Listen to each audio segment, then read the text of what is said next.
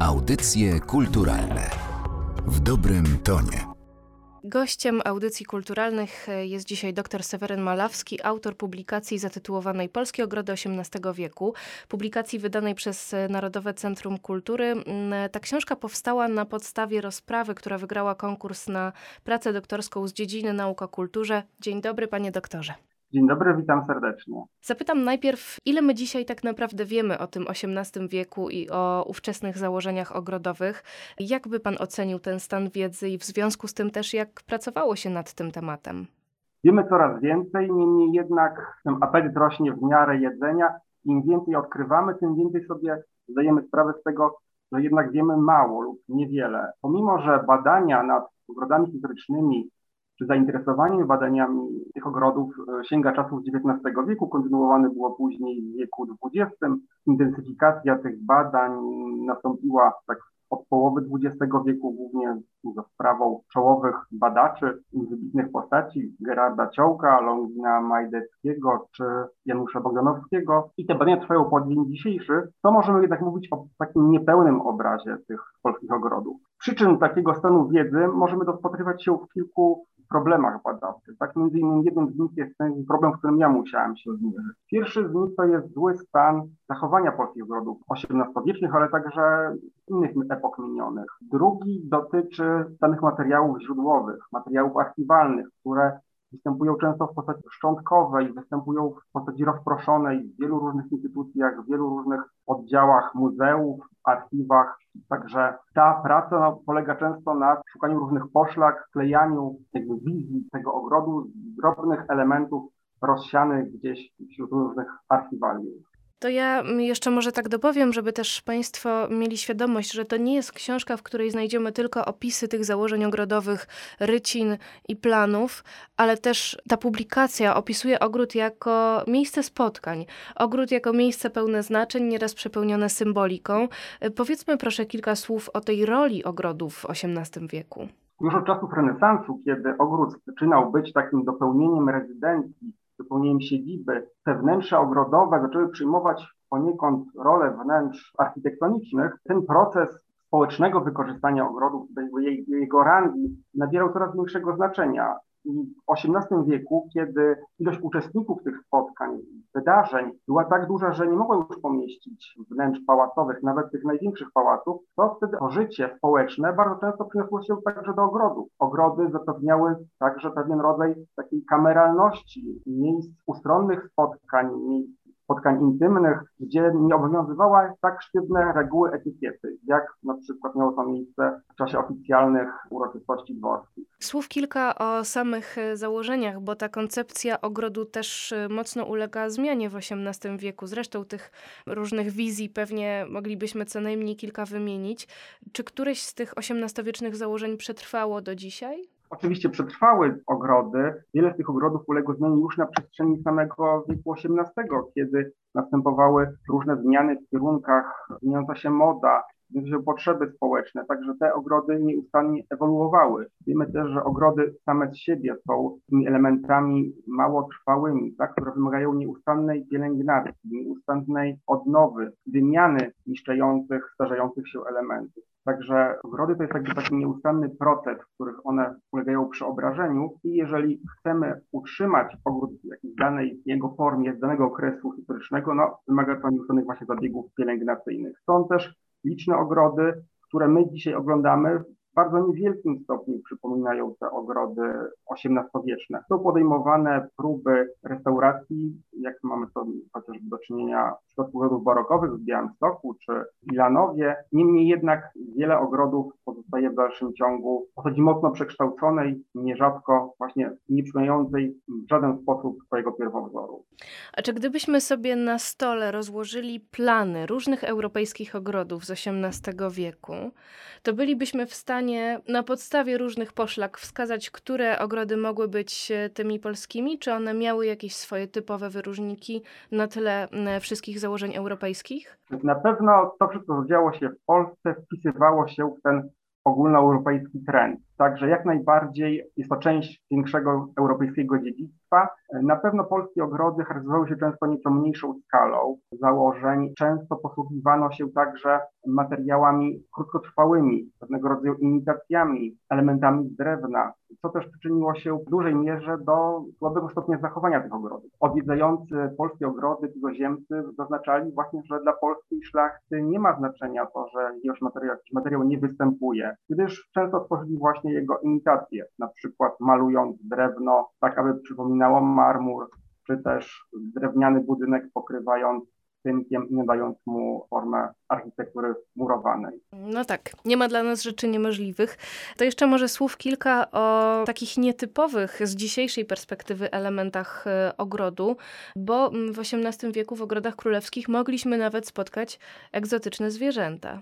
Tak, zwierzęta grywały dużą rolę w XVIII ogrodach. One wprowadzały przede wszystkim element zaskoczenia, element egzotyki, która była niezwykle istotna zarówno w tych ogrodach regularnych, jak i w ogrodach krajobrazowych. Gdyż XVIII wiek to jest ten taki okres przejściowy, czasy rewolucji krajobrazowej, kiedy co prawda na kontynencie odbywało się to w mniej radykalnym stopniu, jak mieliśmy z tym do czynienia chociażby w Anglii, Niemniej jednak te zmiany następowały. Jednym z elementów naturalności był właśnie ta egzotyka i tą egzotykę wnosiły zwierzęta. Także zarówno w królewskich ogrodach, chociażby król Jan III Sobieski hodował tak liczne zwierzęta egzotyczne, między innymi świstaki stepowe, różnego rodzaju małpy, papugi, a nawet kazuara. Egzotyczne zwierzęta występowały także w ogrodach polskich magnatów i to szczególnie właśnie w drugiej połowie wieku, kiedy one właśnie miały wnosić ten motyw naturalności do ogrodu. I tak na przykład w ogrodach księżnej Izabeli Czartoryskiej na warszawskich,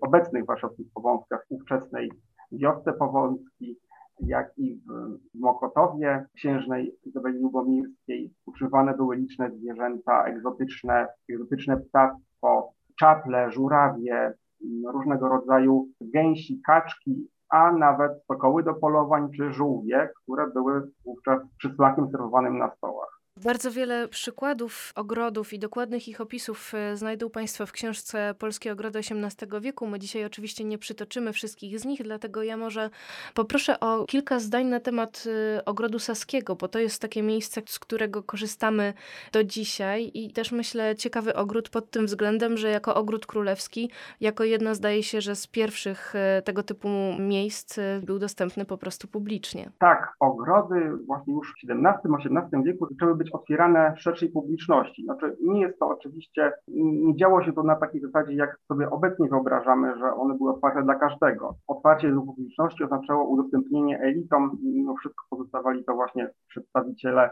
zamożnej części społeczeństwa lub też osoby, które no, mogły chociażby wizualnie odpowiadać pewnym standardom czy wymogom osób przebywających w parku, bo te parki były chronione, pilnowane przez straż, której zdaniem było niewpuszczanie pewnych osób do parku. Takie zjawisko udostępnienia tych parków i ogrodów występowało w całej Europie, także w Polsce ogród Saski w 1727 roku został otwarty właśnie szerszej publiczności, a za nim także kolejne ogrody.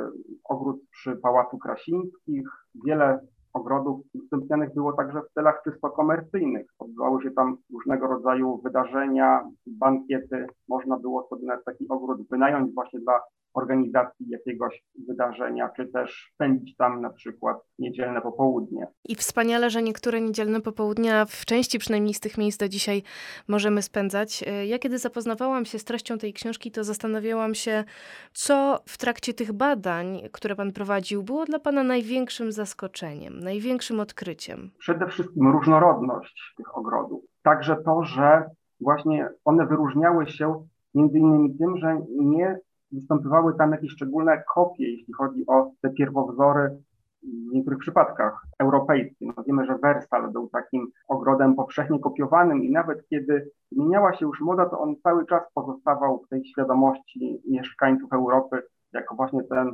Chateau Enchanté, jak to nazywał król Jan III czyli ten zaczarowany pałac, który był niedoścignionym wzorem. Także nie ma tutaj takich bezpośrednich kopii. Jest za to bardzo wiele różnych rozwiązań, właśnie czerpiący zarówno z tradycji rodzimej, tradycji jeszcze dawnego ogrodu włoskiego, który prowadziła do Polski królowa Bona ze czasów Zygmunta Starego. Mamy tutaj różne wzory przenikające do Polski z Francji, zarówno bezpośrednio, jak i za pośrednictwem Drezna. E, mamy różne rozwiązania rokokowe, które też przybyły z Francji. Rokoko jaka taka prywatna sztuka szlachty. Także te wszystkie elementy występowały często właśnie równolegle. Nie możemy mówić w przypadku tej sztuki jako o takim procesie liniowych przemian, tylko bardziej były to tak właśnie odbywało się na różnych poziomach. I to, co jest charakterystyczne, to także może nie tylko dla samej Polski, jak i dla tej części kontynentalnej, bo my w przypadku ogrodów krajobrazowych często właśnie porównujemy je z tym, co się działo w Anglii, to to właśnie, że u nas ta jednak rewolucja krajobrazowa nie przebiegała w tak radykalny sposób jak w Anglii. Czyli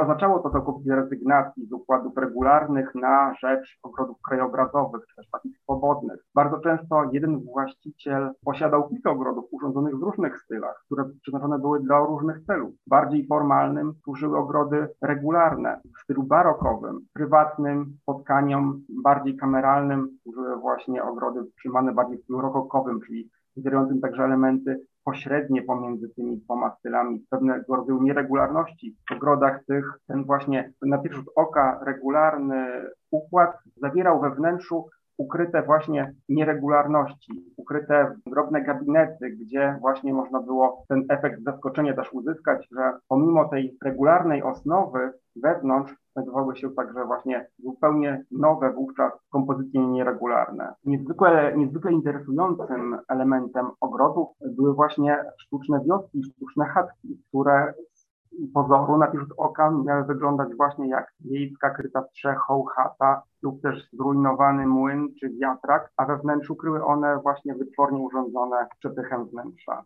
Także chodziło je taki o właśnie efekt zaskoczenia. To był jeden typów dworskiej rozrywki, były właśnie pet champet, nazywane z francuskiego, czyli zabawy w stylu wiejskim, gdzie to wytworne towarzystwo przebierało się właśnie w stroje wieśniaków, pasterzy, odgrywało sceny właśnie takie rodzajowe scenki wiejskie, na przykład oddzielanie mleka od śmietanki, tak, degustację produktów pochodzących z wiejskich gospodarstw, bo często właśnie w tych sztucznych wioskach były takie niewielkie e, właśnie farmy, w których utrzymywano żywe zwierzęta, owce, stada krów. Takie wioski sprzedała chociażby Izabela Czartoryska w Powązkach, czy królowa Maria Antonina w Wersalu. Także e, był to niezwykle modny wówczas sposób rozrywki.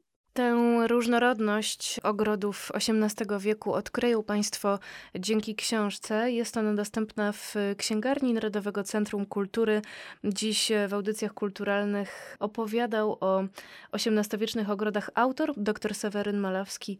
Bardzo dziękuję za nasze spotkanie i oczywiście zapraszamy do zapoznania się z lekturą. Bardzo dziękuję. Audycje kulturalne w dobrym tonie.